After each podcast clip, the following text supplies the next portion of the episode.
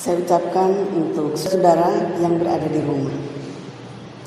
Kita akan beribadah bersama secara terpisah dari rumah-rumah. Pembacaan Alkitab kita hari ini diambil dari kitab Mazmur pasal 95 ayat 1 sampai ayatnya yang ke-11. Saya akan membacakan untuk saudara-saudara sekalian.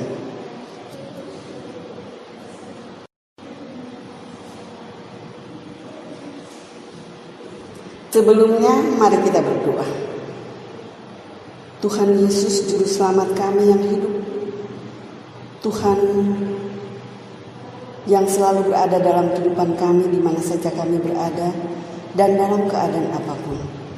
Kami sungguh bersyukur di pagi yang indah ini karena Engkau memperkenankan kami untuk bersama-sama mendengarkan firman-Mu melalui pembacaan Alkitab yang akan kami baca dari tempat ini untuk saudara-saudara kami di rumah. Kiranya Engkau memberkati kami semua agar kami boleh membaca, merenungkan firman-Mu dengan baik walaupun terpisah dari tempat kami masing-masing, di rumah kami masing-masing dengan keadaan dan kondisi yang terjadi saat ini. Inilah kami semua ya Tuhan yang Engkau telah percayakan untuk mendengarkan sabdamu dan memberitakan firman bagi hambamu ini. Kiranya firmanmu ini menjadi bagian yang hidup untuk kehidupan kami dalam menjalani hari-hari hidup kami. Di mana saja kami berada, di mana saja engkau tempatkan kami dengan situasi dan kondisi yang kami alami saat ini. Terima kasih banyak ya Tuhan dan terpujilah Engkau karena kasih kemurahan-Mu yang tak pernah berkesudahan dalam hidup kami. Di dalam anakmu Yesus Kristus, kami bersyukur, berdoa, bermohon hanya kepadamu. Amin.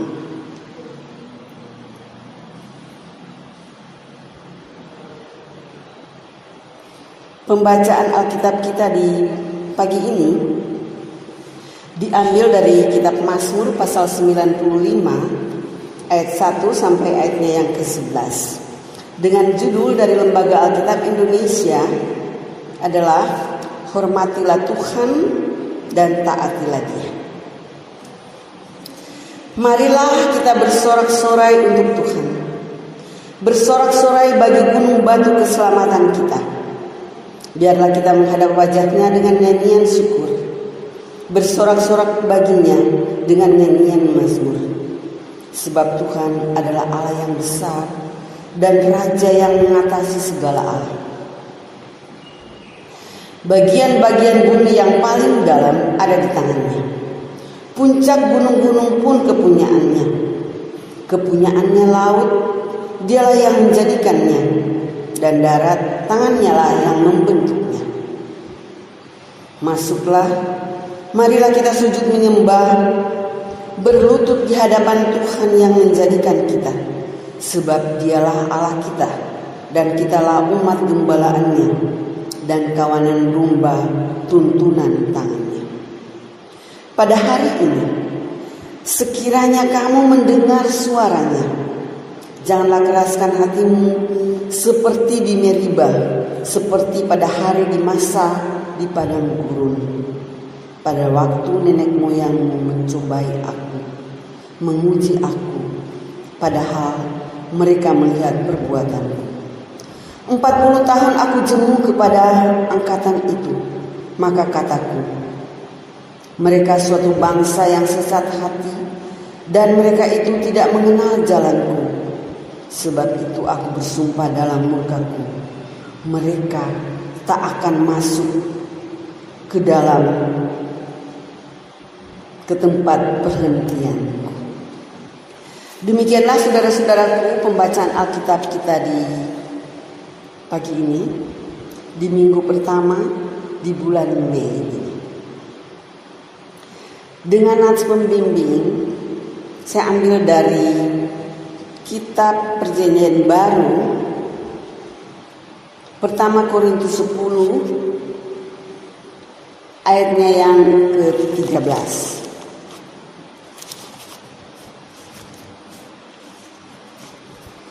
Bunyinya begini.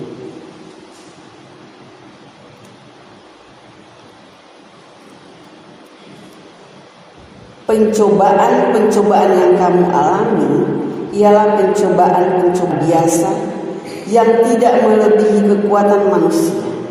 Sebab aku setia dan karena itu tidak akan membiarkan kamu dicobai melampaui kekuatanmu.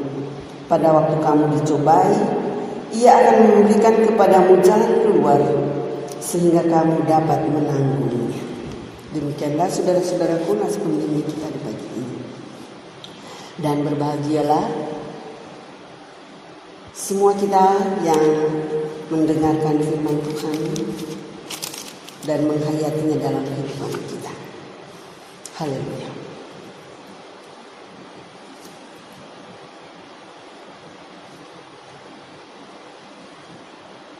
Bapak Ibu, saudara-saudara yang dikasihi dalam Tuhan kita Yesus Kristus.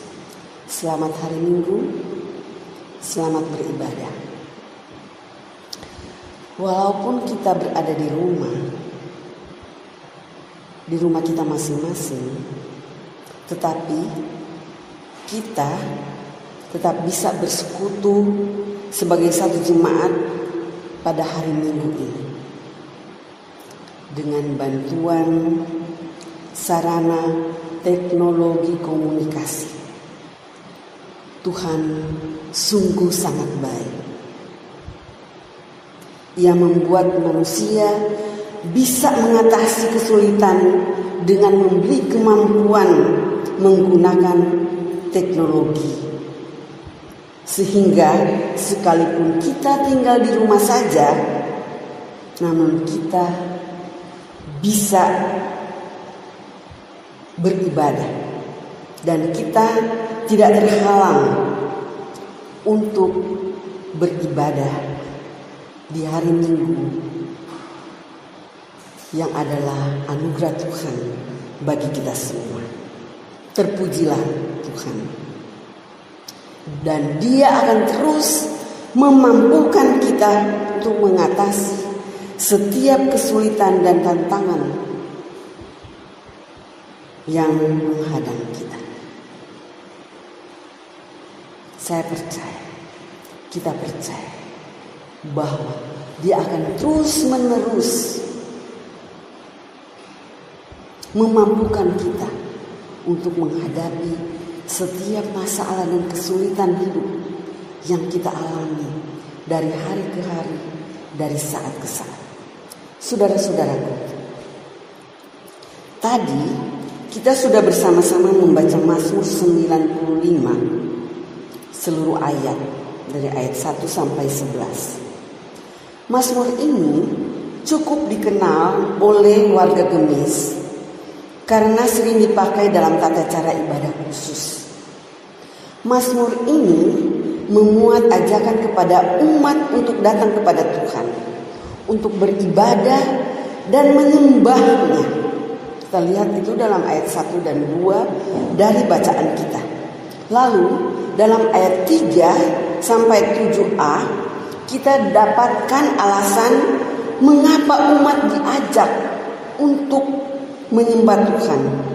Dan pada bagian akhir yaitu ayat 7b sampai 11 kita mendapati peringatan kepada umat supaya tidak mengeraskan hati pada waktu mendengar suara Tuhan.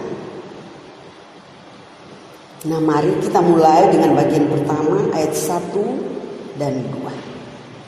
Ajakan untuk beribadah. Panggilan untuk datang menyembah Tuhan. Ibadah umat adalah ibadah kepada Tuhan. Tuhanlah yang menjadi pusat dari ibadah itu. bukan manusia atau sesuatu yang lain. Ketika beribadah menyembah Tuhan, segenap perhatian kita diarahkan kepada Tuhan. Bukan kepada seseorang atau sesuatu. Kita harus fokus beribadah dan menyembah hanya kepada Tuhan saja. Dan untuk mendukung agar perhatian kita bisa terpusat padanya, pada Tuhan, maka seyogianya suasana di sekitar ibadah kita haruslah tertata sedemikian rupa supaya tidak mengganggu perhatian kita. Walaupun kita berada di rumah masing-masing. Lagi pula, ibadah kita seharusnya adalah ibadah dengan sepenuh hati, bukan separuh-separuh hati. Karena itu setiap ibadah kita perlu dipersiapkan atau mempersiapkan diri dengan baik semampu kita.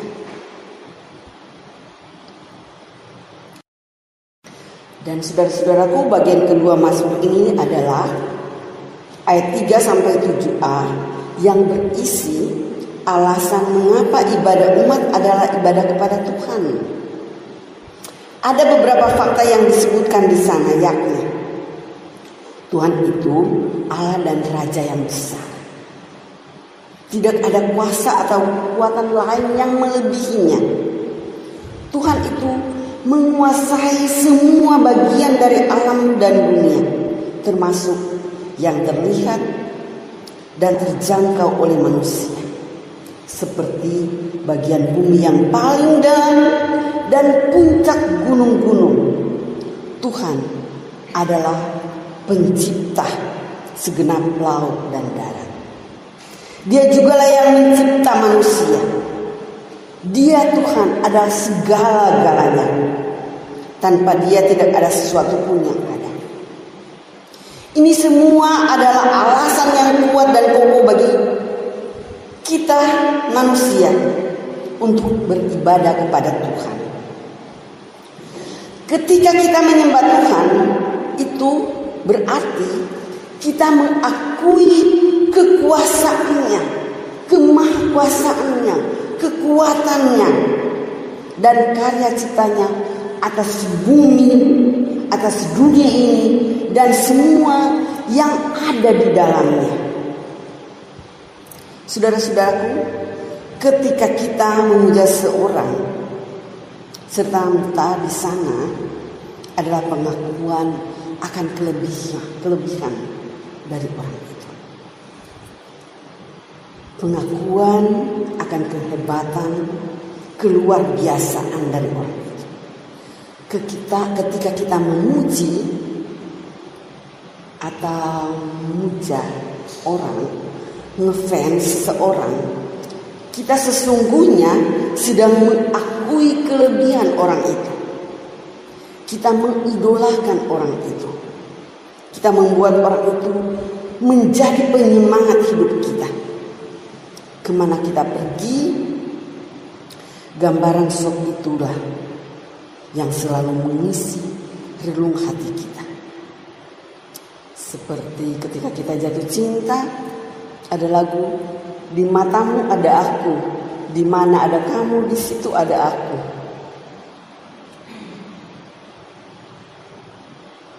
Dan kita seakan-akan mau berkata bahwa tanpa dia kita tidak punya semangat untuk menjalani hari-hari hidup. Sosok yang kita idolakan adalah kekuatan dan panutan kita. Nah, perasaan seperti itulah yang semestinya menuntun suasana hati kita ketika kita tahu dan mengakui kekuasaan kekuatan, kelebihan, dan keluar biasaan Tuhan dalam karya cipta dan pemeliharaannya. Tuhan seyogianya menjadi idola kita Dan karena itu kita sadar bahwa tanpa dia kita bukan hanya tidak punya semangat tetapi juga bukan siapa-siapa dan tidak bisa apa-apa. Kesadaran dan pengakuan keluar biasaan Tuhan inilah yang menjadi dorongan hati kita ketika kita datang beribadah dan menyembah kepadanya, kepada Tuhan yang kita imani, yang kita percayai, yang kita idolakan sepanjang dan seumur hidup ketika kita percaya kepada Dia. Dan saudara-saudaraku, semoga setiap kali kita beribadah, pengakuan seperti inilah yang menjadi isi hati kita. Lalu kita ungkapkan isi hati kita melalui sederet unsur liturgi dalam ibadah kita dalam nyanyian, doa, sembah dan puji puja kepadanya. Saudara-saudara, bagian ketiga dalam Mazmur 95 ini adalah ayat 7b sampai 11. Isinya adalah peringatan kepada umat untuk tidak mencontohi sikap leluhur mereka pada masa lalu dalam perjalanan mereka keluar dari tanah perbudakan di Mesir menuju ke tanah perjanjian. Leluhur itu mengeraskan hati mereka dengan tidak mau melihat kebaikan Tuhan dalam rancangannya untuk mereka. Ketika mengalami kesulitan atau tantangan dalam perjalanan itu, mereka bersungut-sungut dan memprotes Musa pimpinan mereka. Mereka mengomel dan mengatakan mengapa mereka dikeluarkan dari Mesir hanya untuk menahan lapar dan haus di padang gurun. Peristiwa ini terjadi di Meriba dan Masa. Kita dapat membacanya antara lain dalam keluaran pasal 17. Di sana mereka mengalami kesulitan hidup karena tidak punya air minum lagi dan bagi kawanan ternak mereka juga tidak ada makanan, tidak ada minuman. Lalu mereka memprotes kepada Musa dan bertanya-tanya, apakah Tuhan ada dalam perjalanan mereka? Mereka tidak tahu bahwa dengan mengomel kepada Musa, mereka sebetulnya memberontak terhadap rancangan Tuhan. Dengan bersungut-sungut mereka sesungguhnya mengabaikan kesetiaan penyertaan Tuhan dalam perjalanan hidup mereka ke depan. Tuhan kemudian memberikan mereka air yang dialirkan dari sungai batu. Tuhan bisa tidak bisa dicobai atau diuji. Tuhan punya cara sendiri untuk mencukupkan kebutuhan anak-anaknya. Tuhan punya cara sendiri untuk mencukupkan kebutuhan umatnya. Termasuk bagi kita sekarang ini. Dengan situasi dan kondisi yang kita alami. Nah saudara-saudaraku, dalam Mazmur 95 ini umat dinasihati supaya tidak mencontohi leluhur mereka dalam menyikapi situasi. Mengomel, saling menyalahkan seorang dengan yang lain, minta supaya menghentikan langkah ke depan dan berbalik lagi ke belakang bukanlah sikap yang benar dalam menghadapi situasi sulit. Sikap seperti itu harus dihindari dan dijauhkan sejauh-jauhnya. Sebab jelas sikap seperti itu tidak membantu untuk membuat keadaan yang sulit menjadi lebih baik. Keadaan sulit tidak akan teratasi dengan cara saling menyalahkan.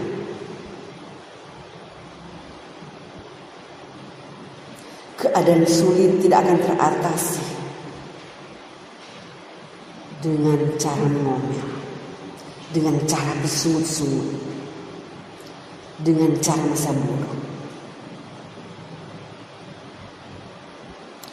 Keadaan sulit memang tidak akan bisa teratasi dengan cara mengomel dan bisu-bisu.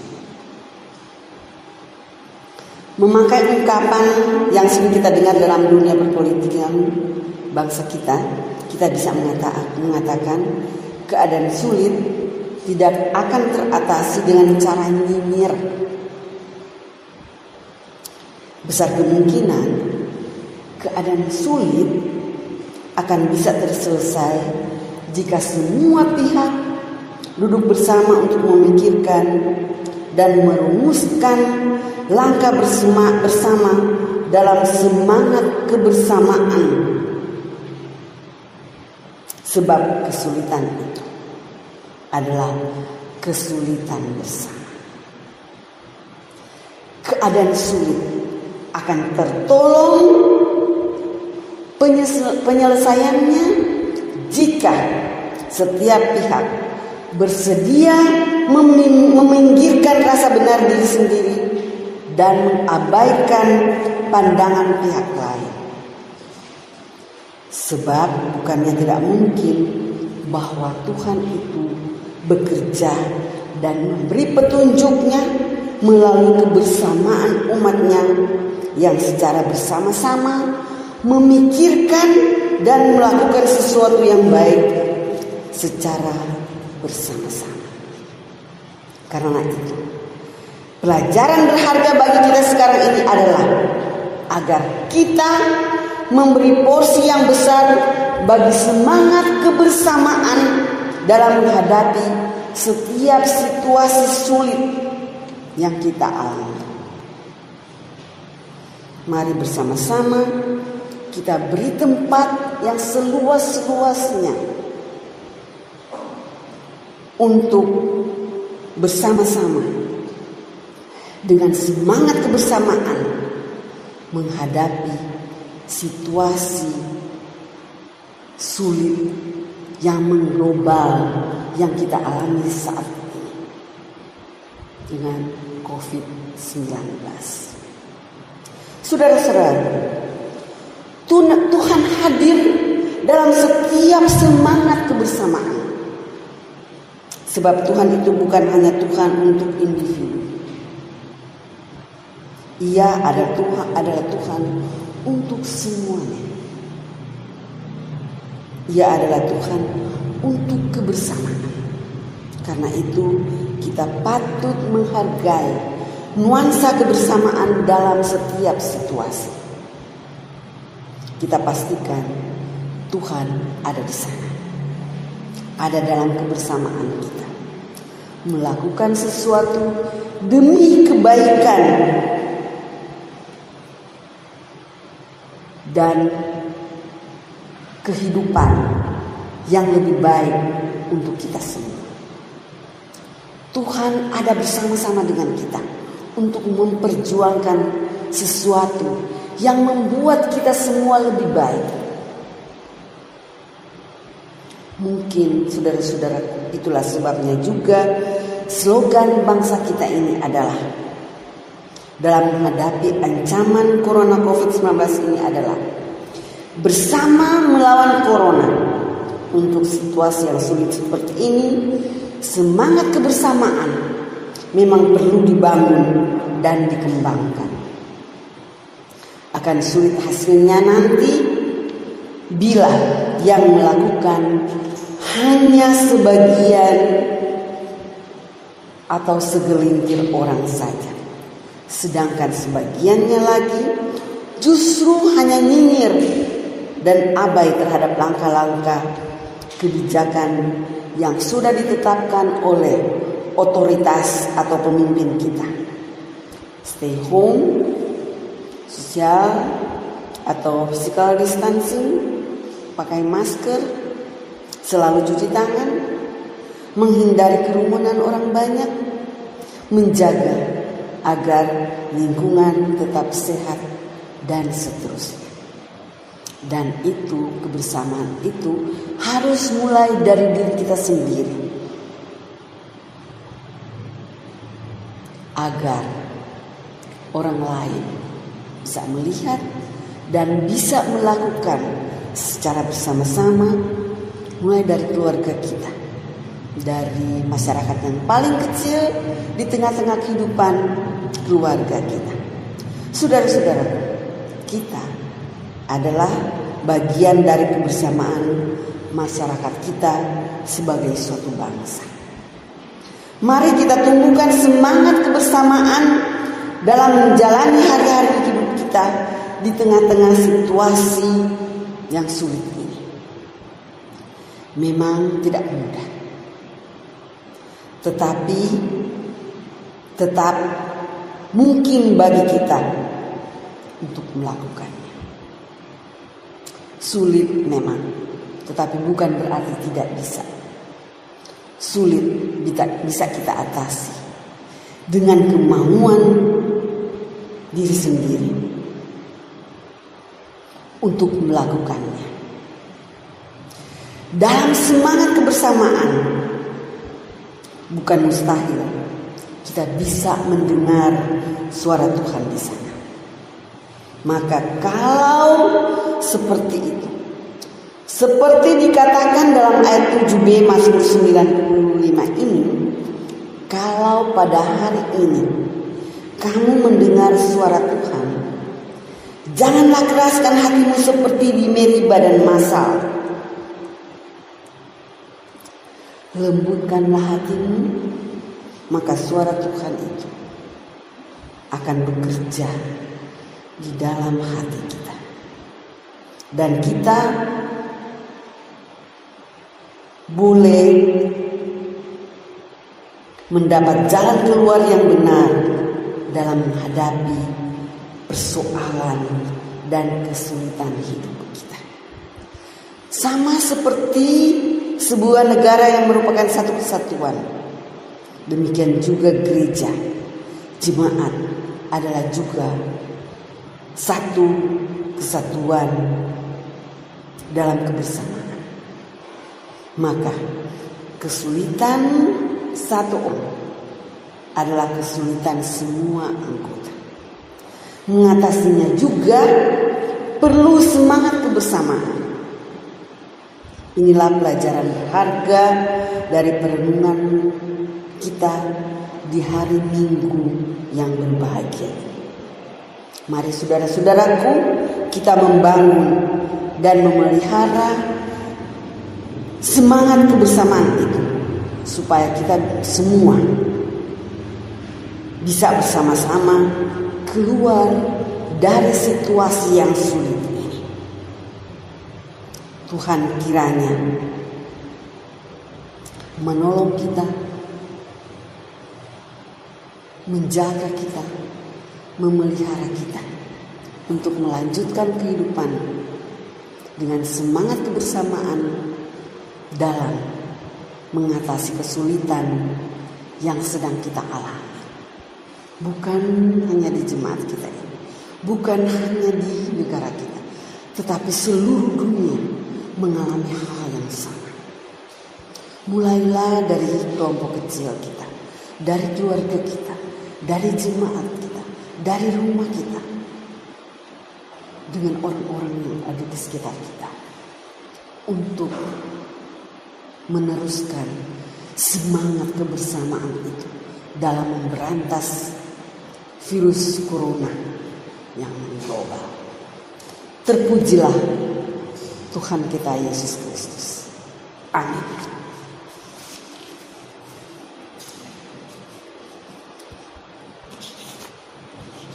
Saudara-saudaraku, marilah kita bersama-sama berdoa dan doa ini akan kita akhiri dengan doa Bapa kami yang akan kita ucapkan secara bersama-sama.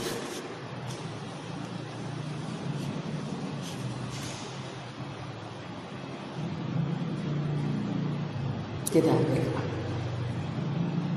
Tuhan Allah, Bapa kami yang berada di dalam kerajaan surga, yang boleh kami jumpai di dalam kasih anakmu Yesus Kristus. Kami sungguh bersyukur oleh sebab itu kami bersuka cita di hari minggu ini karena kami boleh merasakan kasih setiamu dan kemurahanmu yang tak terhingga dalam hidup kami dengan situasi dan kondisi mengglobal di tengah-tengah kehidupan berbangsa dan bernegara termasuk jemaat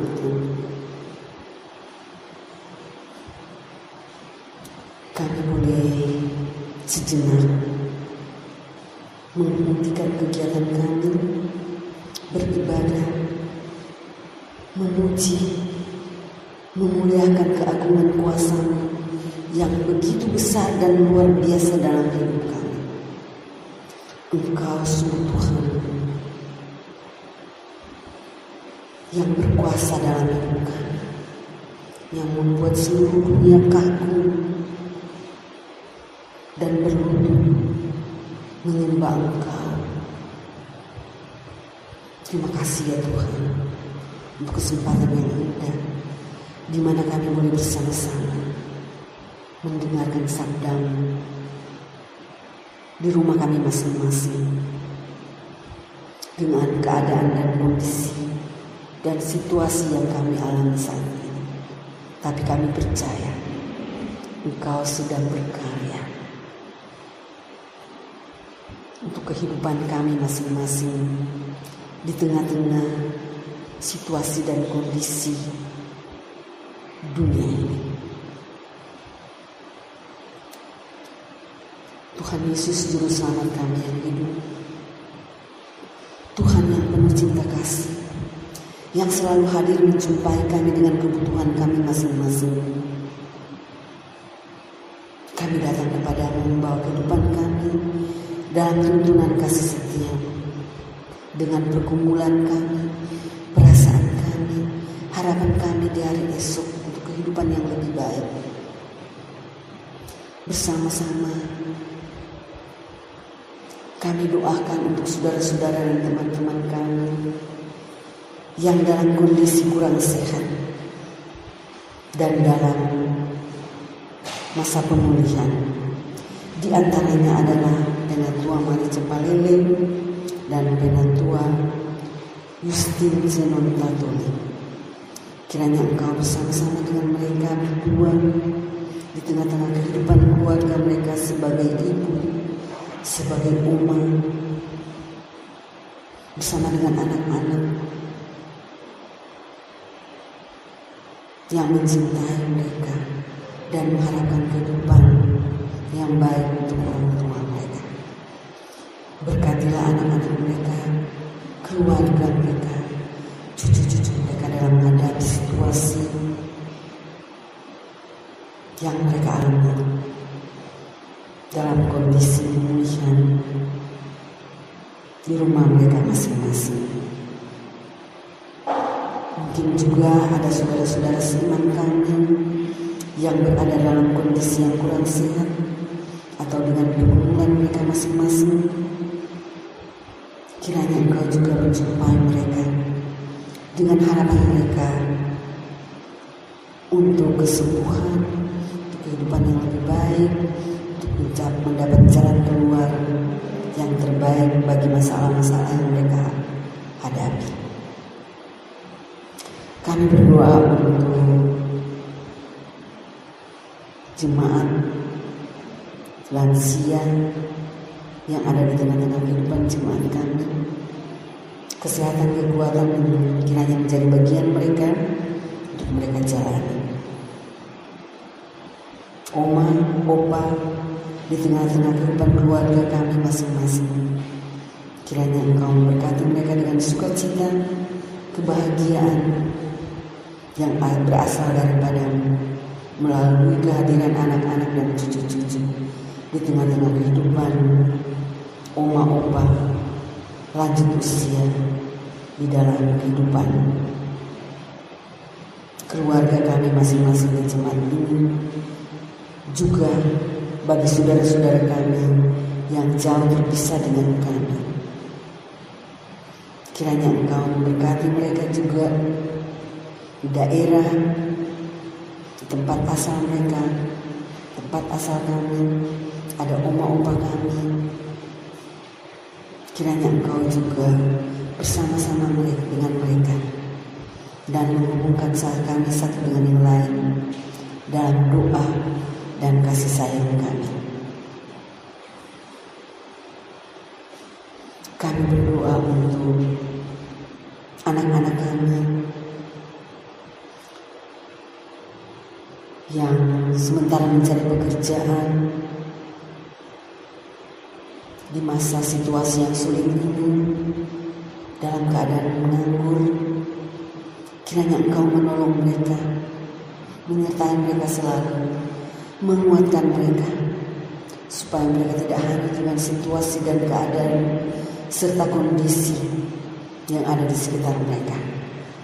Mereka tetap kuat, tetap bersemangat, tetap mengandalkan Engkau dalam kehidupan dan perjuangan mereka.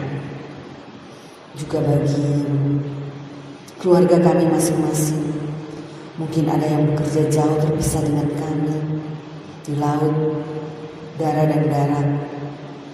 Kiranya Engkau memberkati mereka semua dengan kebutuhan-kebutuhan mereka, kesehatan, kekuatan, semangat dalam memperjuangkan kehidupan yang lebih baik bagi seluruh anggota keluarganya. Bagi kami ibu-ibu, orang tua yang berada di rumah, membesarkan anak-anak, mendampingi mereka dalam belajar, bergaul. Kiranya kami semua tetap dikuatkan dan tetap bersama-sama menjalani kehidupan kami dengan tanggung jawab kami masing-masing. Terima kasih ya Tuhan untuk kebersamaan kami boleh mendengarkan sabdamu yang menguatkan dan mengajarkan kepada kami bagaimana kami harus bersikap sebagai orang-orang yang percaya kepadamu. Kiranya kasihmu selalu menuntun kami untuk menjalani kehidupan kami dalam kebersamaan bersama dengan orang-orang yang ada di sekitar kami, jemaat, gereja, masyarakat. Kami berdoa untuk pemerintah kami dari yang tertinggi sampai yang terendah dengan usaha-usaha mereka memberantas wabah COVID-19 ini agar dapat memutuskan mata rantai penyebaran virus ini.